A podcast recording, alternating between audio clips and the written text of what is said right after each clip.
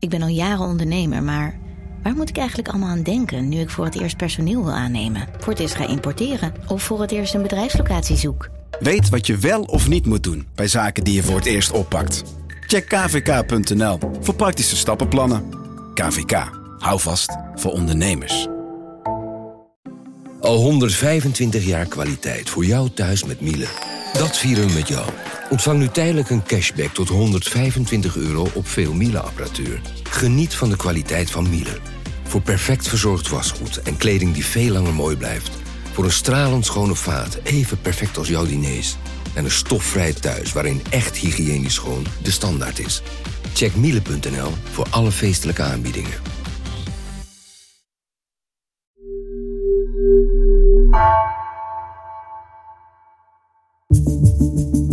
Redactie van NRC het verhaal van vandaag. Mijn naam is Thomas Ruip.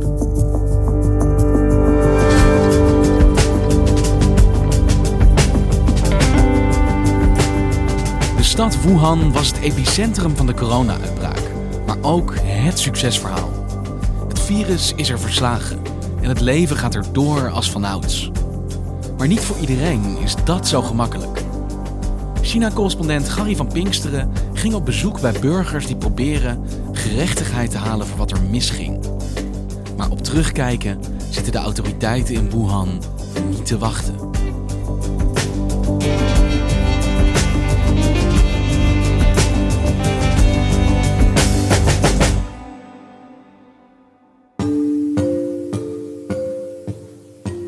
Yang Min is een vrouw uh, uit Wuhan.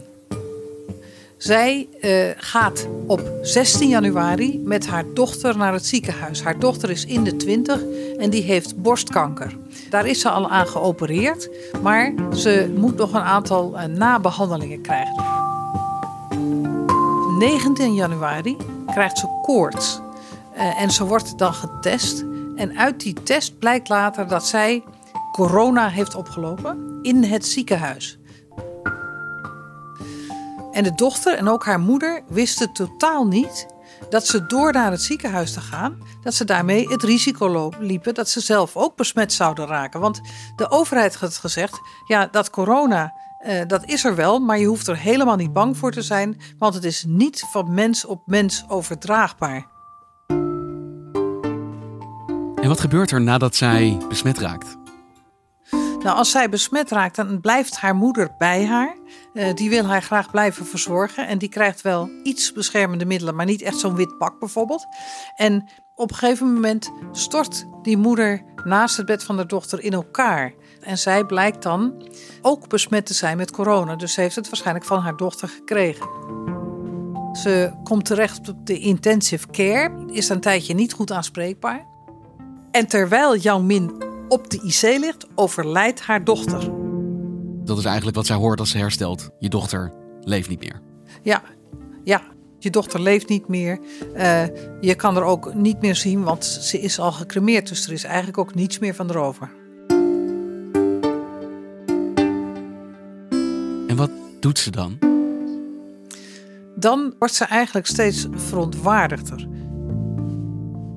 Als de hele stad op 8 april wordt vrijgegeven, als die hele stad elf uh, weken in lockdown heeft gezeten, dan besluit zij onmiddellijk van ik ga een rechtszaak beginnen. Ik eis uh, gerechtigheid.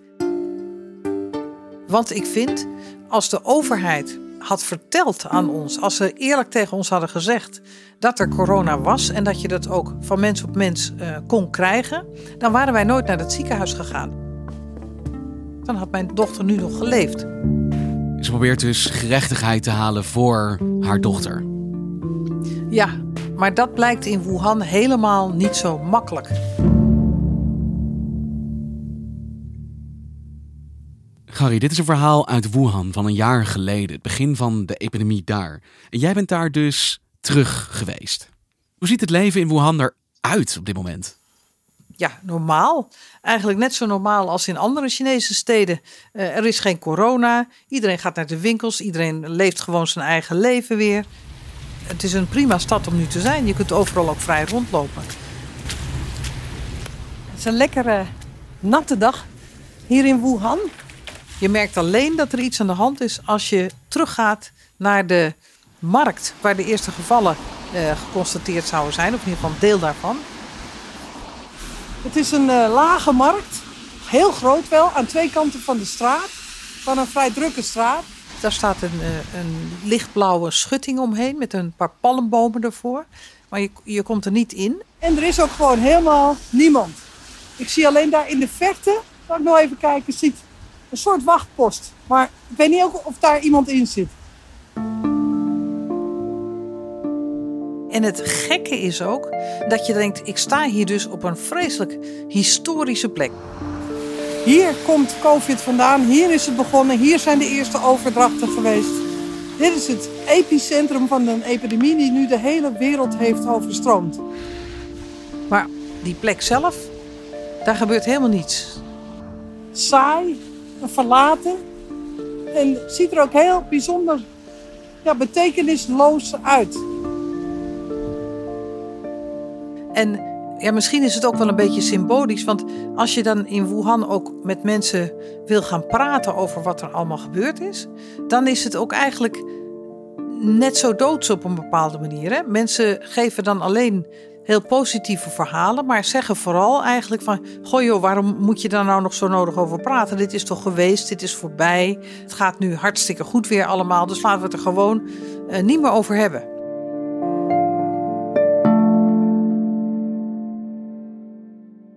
En toch kwam jij daar precies om te praten over dat verleden en over hoe corona daar beleefd is.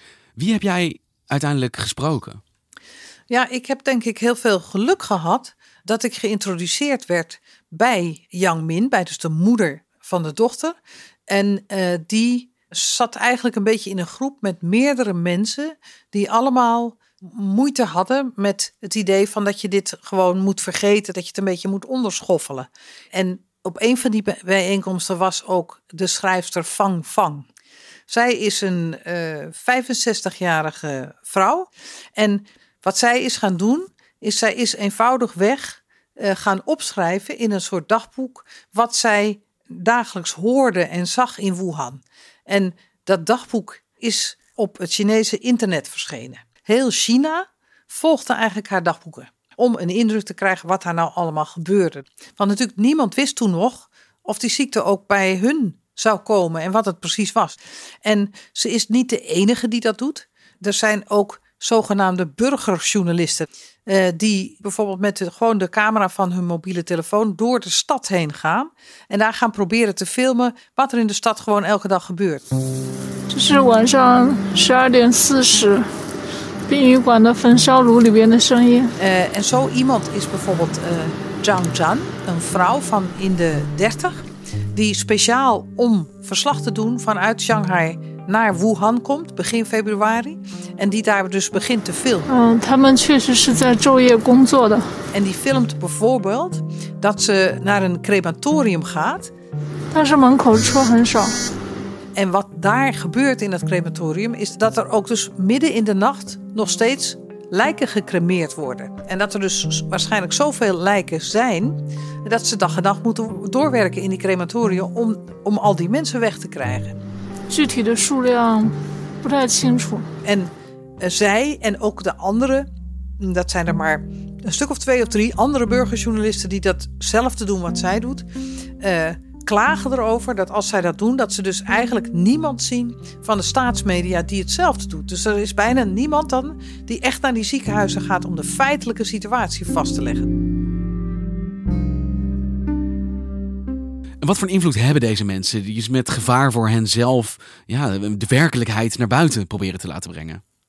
Nou, die invloed is zeker terwijl dit allemaal gebeurt heel groot. Daar is in de maatschappij een enorme behoefte aan op dat moment, omdat mensen gewoon willen weten wat daar gebeurt. En het is zo'n uh, gistende boel en ook zo'n onzekere boel op dat moment. Dat ook zeker door de bijdrage van mensen als Vang Vang, maar ook de burgerjournalisten, dat, dat er een angst lijkt te ontstaan, of een angst is bij de centrale overheid ook, dat ze gewoon de grip gaan verliezen. Dat er een soort volksopstand komt. Maar uiteindelijk, toch begin april, gaat die lockdown eraf. gaat Wuhan weer open. Mensen hebben, er heel, hebben daar elf weken op moeten wachten voordat het zover was. En dan verandert de hele stemming. Er is het gevoel, we hebben het onder controle gekregen. We hebben offers gebracht, maar we hebben het onder controle gekregen. En dan slaat de sfeer om.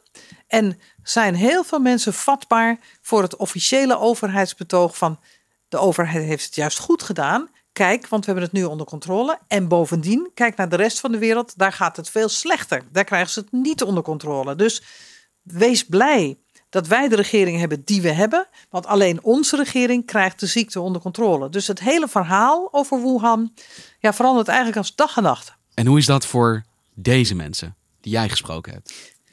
Nou, die moeder vertelde me dat ze het heel erg uh, onwerkelijk vond.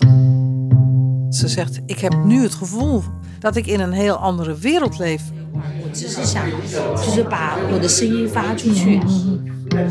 Dat ik niet in dezelfde wereld leef als de mensen die daar allemaal zo enthousiast en opgetogen zijn en die allemaal zo blij zijn dat het voorbij is. Zegt voor mij is het helemaal niet voorbij en ik kan met die mensen eigenlijk niet praten.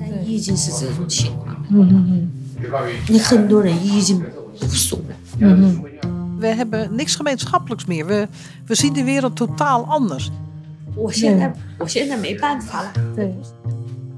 En zij blijft vasthouden aan het idee: er moet rechtvaardigheid voor mijn dochter komen. De overheid heeft hierin een grote fout gemaakt. Daar moet verantwoording voor worden afgelegd. En ze is niet de enige. Ook uh, de schrijfster Fang Fang blijft zeggen: we moeten kijken wie er schuldig zijn is geweest aan wat, wat er fout ging. Die mensen moeten ter verantwoording geroepen worden. En lukt dat hen ook om die gerechtigheid te halen? Nou, er gebeurt precies het omgekeerde. Uh, juist nu iedereen opgelucht ademhaalt, ziet de overheid zijn kans schoon om de mensen die die gerechtigheid eisen, om die mensen juist te hinderen en op te pakken. Want uh, Zhang Zhan uh, wordt uh, na de lockdown, een tijdje na de lockdown, wordt zij opgepakt. Ze verdwijnt en ze blijkt dan uiteindelijk in, uh, in Shanghai vast te zitten uh, op het politiebureau daar. En zij wordt ervan beschuldigd dat zij juist valse berichten de wereld in heeft geholpen, dat zij fake nieuws heeft verspreid. En zij wordt daar vastgehouden. Ze komt het politiebureau niet meer uit. En ook de moeder die probeert een rechtszaak te beginnen, maar de rechter wil er niet eens naar kijken. Dus, en zij wordt ook, als zij met buitenlandse journalisten wil spreken over deze zaak, wordt ze gevolgd, wordt ze gehinderd, wordt ze eigenlijk eh, van slachtoffer wat ze is, wordt ze door de Chinese overheid gecriminaliseerd. Dus de situatie draait zich helemaal om. Hey Gary, waarom doet China dit? Want de aanpak van het coronavirus lijkt zo'n succes. Jij kan Wuhan in het leven, is daar eigenlijk heel erg normaal. Waarom steken ze nu na die euforie zoveel moeite in het ja, achtervolgen en in discrediet brengen van deze mensen? Ze willen niet dat dit verhaal wordt aangetast. Ze willen dat het verhaal blijft, is en blijft en steeds meer wordt. China heeft het goed gedaan. Waarom heeft China het goed gedaan? Omdat China de communistische partij heeft en alleen de communistische partij kan een crisis als deze aan. En er is geen smet op het blazoen. Alsof er nooit iets misgegaan is in Wuhan en het alleen een verhaal is van, van helden en dan voornamelijk van helden in de overheidsdienst die deze gevaarlijke situatie zo, zo heldhaftig onder controle hebben gebracht. Maar Gary, dat moet toch zelfs in China een onmogelijk narratief zijn, aangezien nou ja, deze uitbraak is begonnen in Wuhan? Nee hoor, uh, dat vinden we in China langzamerhand niet meer. Uh, want er is bijvoorbeeld verteld dat de ziekte naar Wuhan best eens gekomen zou kunnen zijn doordat er waren uh, militaire spelen in oktober. Dus kort, kort voor de uitbraak de, eerste, de eerste ziektegevallen. en dat, daar zijn ook Amerikanen geweest. En misschien hebben die Amerikaanse militairen, misschien zelfs wel bijna expres, het virus naar de stad gebracht. En uh, er is nu ook wordt steeds gezegd van nou, wij hebben het misschien als eerste ontdekt, maar het komt misschien helemaal niet uit Wuhan vandaan. Misschien uh, komt het wel uit Europa, misschien komt het wel uit Spanje, uit Italië. En hebben wij alleen beter opgelet omdat we, en dat wij het ontdekten. Zo zeker dat het in Wuhan begonnen is en dat het, dat het hier is ontstaan, daar wordt ook heel erg veel aan gedaan om de zekerheid daarvan in ieder geval te ondergraven. Ja, dat is niet alleen misstappen in de bestrijding van corona worden weggegumd, maar eigenlijk de hele oorsprong van de coronacrisis wordt betwist daar nu. Jazeker, jazeker. En dat uh, verbaast mij altijd wel, maar uh, ook in Wuhan eh, wordt het, dat verhaal heel erg overgenomen. Dit wordt geloofd. Dit wordt geloofd. Ik was eh, de eerste die ik sprak in Wuhan, was een taxichauffeur, zoals dat vaak is als je ergens komt. En ik vroeg hem, waardoor denkt u nou, waar denkt u nou dat dat virus dan eigenlijk vandaan komt? En ook die man zei, nou ik denk dat het door het Amerikaanse leger hier gebracht is. Dus zo breed verbreid zijn dat soort verhalen. Er zal een deel mensen zijn die dat niet gelooft, maar die het niet durft tegen te spreken. Maar er is ook een deel mensen, opvallend groot deel van de mensen, die dit soort dingen bereid is te geloven. Ook omdat je er hiermee ja, plat gebombardeerd wordt en je bijna geen andere uh, nieuwsbronnen ook uh, onder ogen krijgt. Dus het, het werkt wel. Het werkt behoorlijk effectief.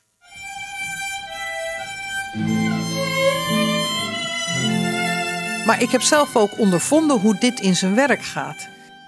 Ik was op een dineetje waar Fang Fang ook was. En dat was heel gezellig. Er was muziek, er werd gepraat, er werd gegeten.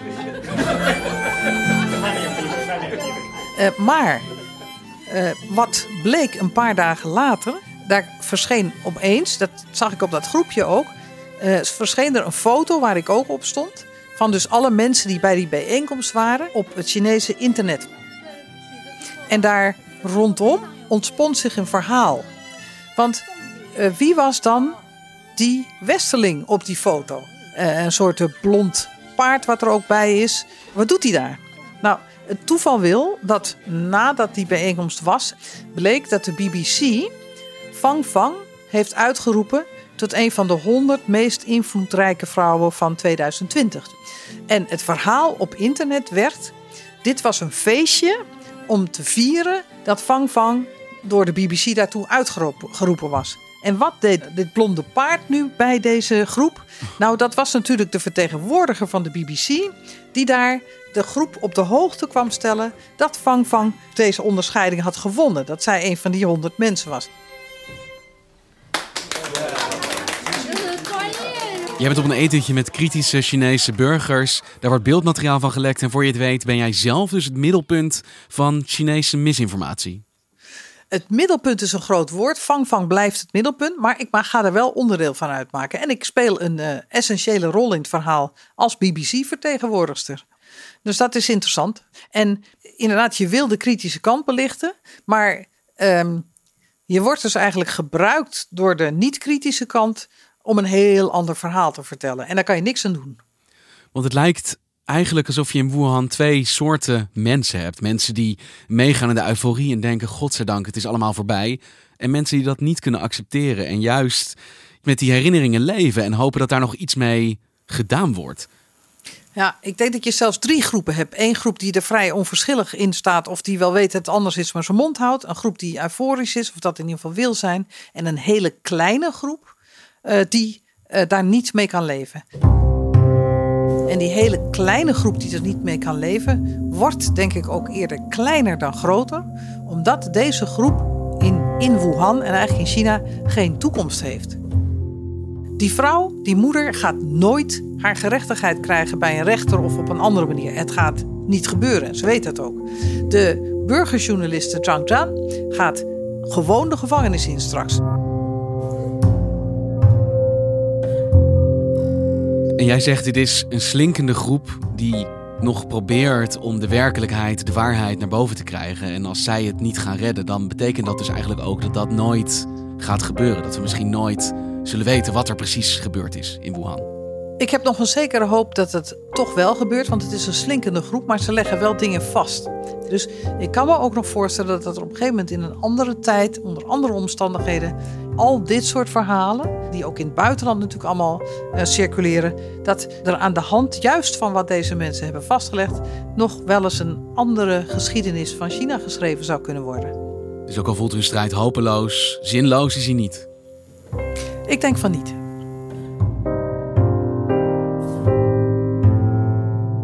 Dankjewel, Gary. Graag gedaan.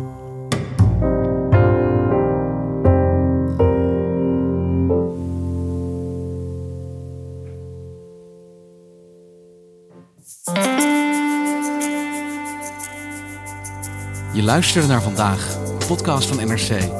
Eén verhaal, elke dag. Deze aflevering werd gemaakt door Tessa Kolen, Nina van Hattem en Julie Blusset. Chef van de audioredactie is Anne Moraal. De muziek die je hoort is van Rufus van Baardwijk. Dit was vandaag. Morgen weer.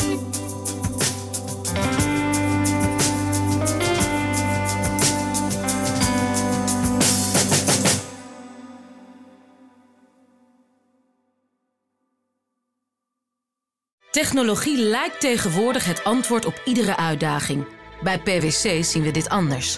Als we de potentie van technologie willen benutten, kunnen we niet zonder een menselijk perspectief. Human-led, tech-powered noemen we dat. Ga naar pwc.nl.